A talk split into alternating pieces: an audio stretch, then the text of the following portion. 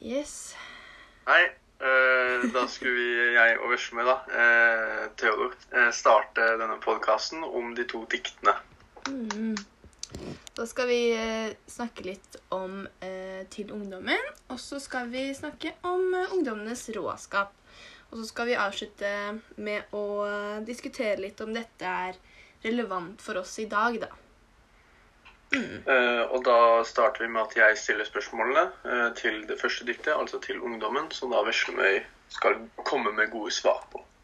Ja. Uh, det første spørsmålet går da Hva vil det si å være kringsatt av fiender? Å være kringsatt av fiender, så vil det si at man er omringet av fiender. Altså at du har mange som du ikke liker rundt deg, da. Eh, og videre i verset så kan man se at dette stemmer, siden det er, sier at man skal vie seg til strid, noe som er et synonym for krig. Som igjen er en situasjon hvor du ofte har fiender rundt deg, da. Og dermed vil jeg tro at det er snakk om å være omringet av tyskerne, da. Og det kan vi egentlig si på grunn av Jeg kan jo egentlig si litt om eh, Til ungdommen som et dikt, da. Um, først og fremst. Det er skrevet av Nordahl Grieg i 1936, altså i perioden rett før andre verdenskrig, da nazistene og Tyskland begynte å vokse seg større. Og her velger da Grieg å skrive om at man skal gå inn i seg selv, og den tiden man lever i, og kjempe sammen uten våpen, men med menneskeverdet vårt. Eh, og det ser vi i slutten i strofe nummer 11. Da skriver han eh, sammen skaper vi menneskeverd, skaper vi fred. Ja. Ja, for dette her med striden kommer jo også opp i andre, om, andre oppgave. For da går spørsmålet all sånn her at uh, i diktet så er det en oppfordring til ungdommen om at de bør vie seg til strid. Men uh, hva slags strid er det egentlig snakk om? Eh, og da komme med eksempler fra diktet eh, på krigsmetaforer. ja. Eh, fordi den striden som ungdommene oppføres til å verve, seg til, det er kampen om friheten. Og dette kommer veldig tydelig frem, spesielt i vers nummer tre. Fordi der sier han at troen på livet vårt, menneskeverd, altså at våpenet ditt i denne krigen er din egen tro på livet. Med andre ord, kjemp for alt det livet er verdt. Og så i eh, vers nummer seks så sier de kast dine krefter inn, døden skal tape.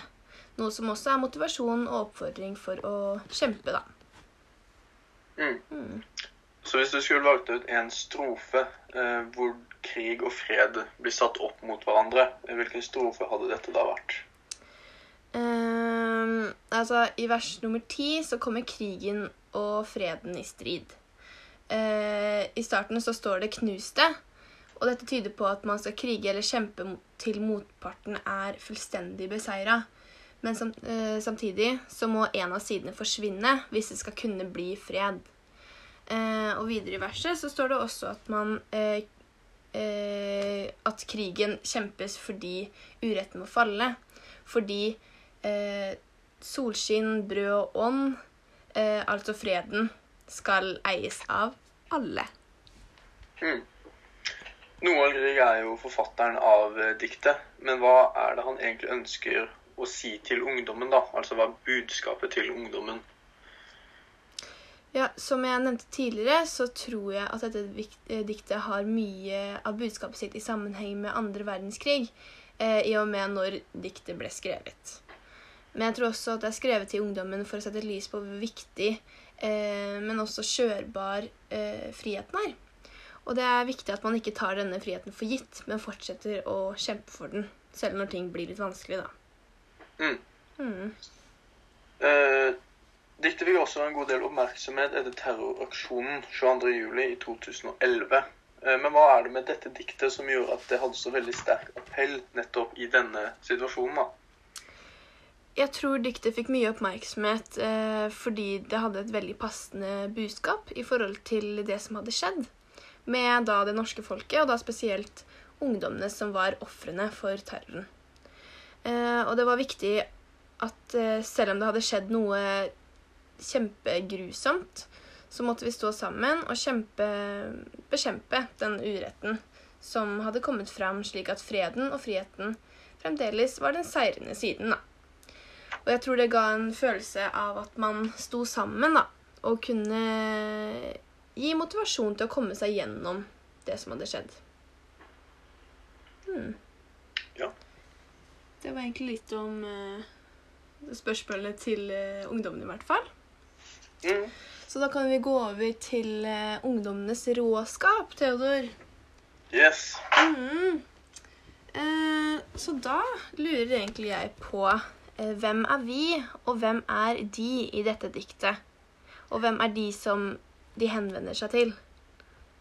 Eh, I dette diktet eh, så er det jo, det er jo skrevet i 1965, altså da i etterkrigsperioden etter andre verdenskrig. Og de som da er vi-befolkningen, si, i diktet, er jo da personene som var mennesker eh, og unge mennesker, unge voksne, i andre verdenskrig. De som da kjempet på det sterkeste for å da bekjempe de de kjempet mot. Eh, Og de de da snakker til, er jo da de som nå vokser opp. For nå er jo disse menneskene som da kjempet i andre verdenskrig, blitt voksne og begynt å få egne barn. Og disse barna er nå begynt å bli ungdommer. Og det er da disse voksne som snakker til ungdommene. Så vi-delen i diktet blir jo da de nå voksne som levde under krigen. Og de-delen av diktet blir jo da ungdommene som nå kommer opp. Fordi mm. diktet refererer, refererer jo mye til den råskapen som var under andre verdenskrig. Hva man måtte gjøre for å kjempe for å da bekjempe nazistene. Eh, Men nå så får da ungdommen mye oppmerksomhet fordi de er så råe. Men de er jo ikke rå på samme måte. eh, Men de har likevel fått den råskapen de likevel har fra den nå voksne generasjonen. Mm. Kan du vise hvordan diktet veksler mellom positiv og negativt? Og reflektere over hvordan disse kontrastene virker? Eh, Hvis vi tar et eksempel fra tredje strofe, så vil det først være en ganske positiv del. At liksom at under krigen så kjempet de for moralen da, for et renslig, åndelig liv. Sånn at folk kunne leve sånn som de ville, da, og etter, sine, etter sitt livssyn. Noe som da høres veldig godt ut. Men så går det videre også da til at ungdommen nå er vill, gal og destruktiv. Noe som da vil være veldig negativt. da. Så da rakker de veldig ned på ungdommen igjen. Men så igjen eh, refererer de til at de kjempet under andre, verdenskrig for å få en god kultur og en god moral og et renslig åndelig liv igjen. Dette refererer da til at under andre verdenskrig så var de rå, mye mer rå enn det de er nå. Men da måtte de liksom være rå, fordi da hadde de noe å kjempe mot. Mm. Men nå siden kulturen og oppvekstforholdene er så mye bedre, så vil dette her med råskap være et helt annet motiv, eh, eller være noe helt annet enn det var for eh, i andre verdenskrig. Så nå vil du være rå dersom du gjør noe veldig lite, si du kjører for fort på veien. Da vil du være rå, men det var det jo nødvendigvis ikke under andre verdenskrig. Mm. Da var det mer normalisert, da. Ja, da måtte du være gal for å gjøre noe for samfunnet. Men om Ja. du nå er litt gal nå, så vil du jo være en ikke bidragsyter, men en som stopper for utviklingen, da. Ja. Um, sammenlign bildet av ungdommen slik eh, vi framstiller det i dette diktet, med oppfordringen til ungdommen i diktet til ungdommen. Mm. Um, her i dette diktet om ungdommens råskap så refererer de jo veldig til det at ungdommen nå er gal ut ifra det oppvekstforholdet de har. Altså at de setter kanskje ikke god nok pris på det at de faktisk har fantastiske skoler å gå på og alle mulighetene de har. Um, men igjen så sånn at de liksom ikke setter pris nok på det de har. Men igjen, i, til ungdommen, så blir det jo snakk om at ungdommen har mye ansvar likevel, fordi de er nødt til å bære videre den ansvaret om å kjempe mot døden og urettferdigheten, og altså fortsette den striden som da ble påbegynt i andre verdenskrig. Eh, sånn at de har mye ansvar eh, for å fortsette krigen, men at de nå har mye mer gunstige forhold for å faktisk utkjempe den. Mm. Da er det siste spørsmål. Og det jeg lurer på da, Theodor, det er hva dikteren egentlig vil si med dette diktet. Ja, det går jo ut på det jeg egentlig har sagt i foregående spørsmålet. At uh, det å være rå nå er ikke like uh, det, er, det er liksom blitt sett mer ned på nå da, enn kontra i andre verdenskrig. For da måtte man være rå. Men når man nå er rå, så blir man heller sett mer ned på. Mm. Eh, og man må heller sette mer pris på det man har, fordi under andre verdenskrig så hadde man ikke de mulighetene man nå har. Egentlig. Ja. Mm. Yes. Det var de spørsmåla. Så da skal vi avslutte med um, hvordan dette de da er relevant for oss eller ikke. Ja. Um, så da kan vi jo ta til ungdommen først, kanskje, da. Mhm. Og de, dette er jo et uh, ganske relevant dikt. fordi ja, Bare nå nylig, med tanke på 22. juli, så ble det jo brukt mm. Mhm. av Jens Stoltenberg, som en av oppgavene her også sier. Mm. Og det passer veldig godt med dette her med å fortsette kampen mot urettferdighet. da. Og det at eh, selv om vi nå er unge og skal fortsette kampen, så kommer jo vi også til å vokse opp en gang. Og da er det jo viktig at vi også har de verdiene, gode grunnverdiene til å lære bort til våre barn igjen, sånn at det fortsatt alltid er noen som slåss mot det onde. Eh, Ja. Sånn refereres til i diktet, da. Det tenker jeg er litt sånn eh, veldig I forhold til situasjonen vi er i nå, da. Så tenker jeg at det kan speile litt på hvordan ungdommene kanskje kan oppleve denne koronaperioden. Selv om det her absolutt ikke kan sammenlignes med hvordan de hadde det i, under annen verdenskrig, så er jo fortsatt det å måtte være i karantene, kanskje de som ikke fikk hatt russetiden sin, sånne ting, det kan være en kamp i seg selv, det også, da. Det er fortsatt Eh, en stor påkjenning, ja. Ja, at man eh, må kjempe eh, for samfunnet.